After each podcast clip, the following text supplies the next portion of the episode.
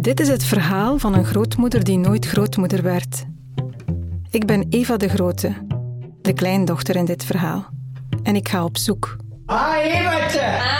Hallo, wat nieuws? Je vous contacte pour savoir plus sur la mère de ma mère. Dat was echt een symbiotische band. S'morgens ga je naar school en smiddags komt je toe en ze is er niet meer.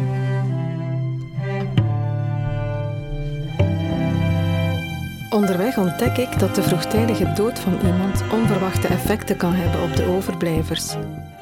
Ook als je die persoon niet zelf hebt gekend. Feitelijk was ons ma een echte buitenmens.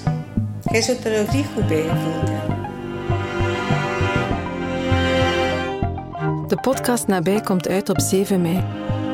Het brusk wegvallen van iemand in de familielijn vormt ook het vertrekpunt van mijn nieuwe roman Grond.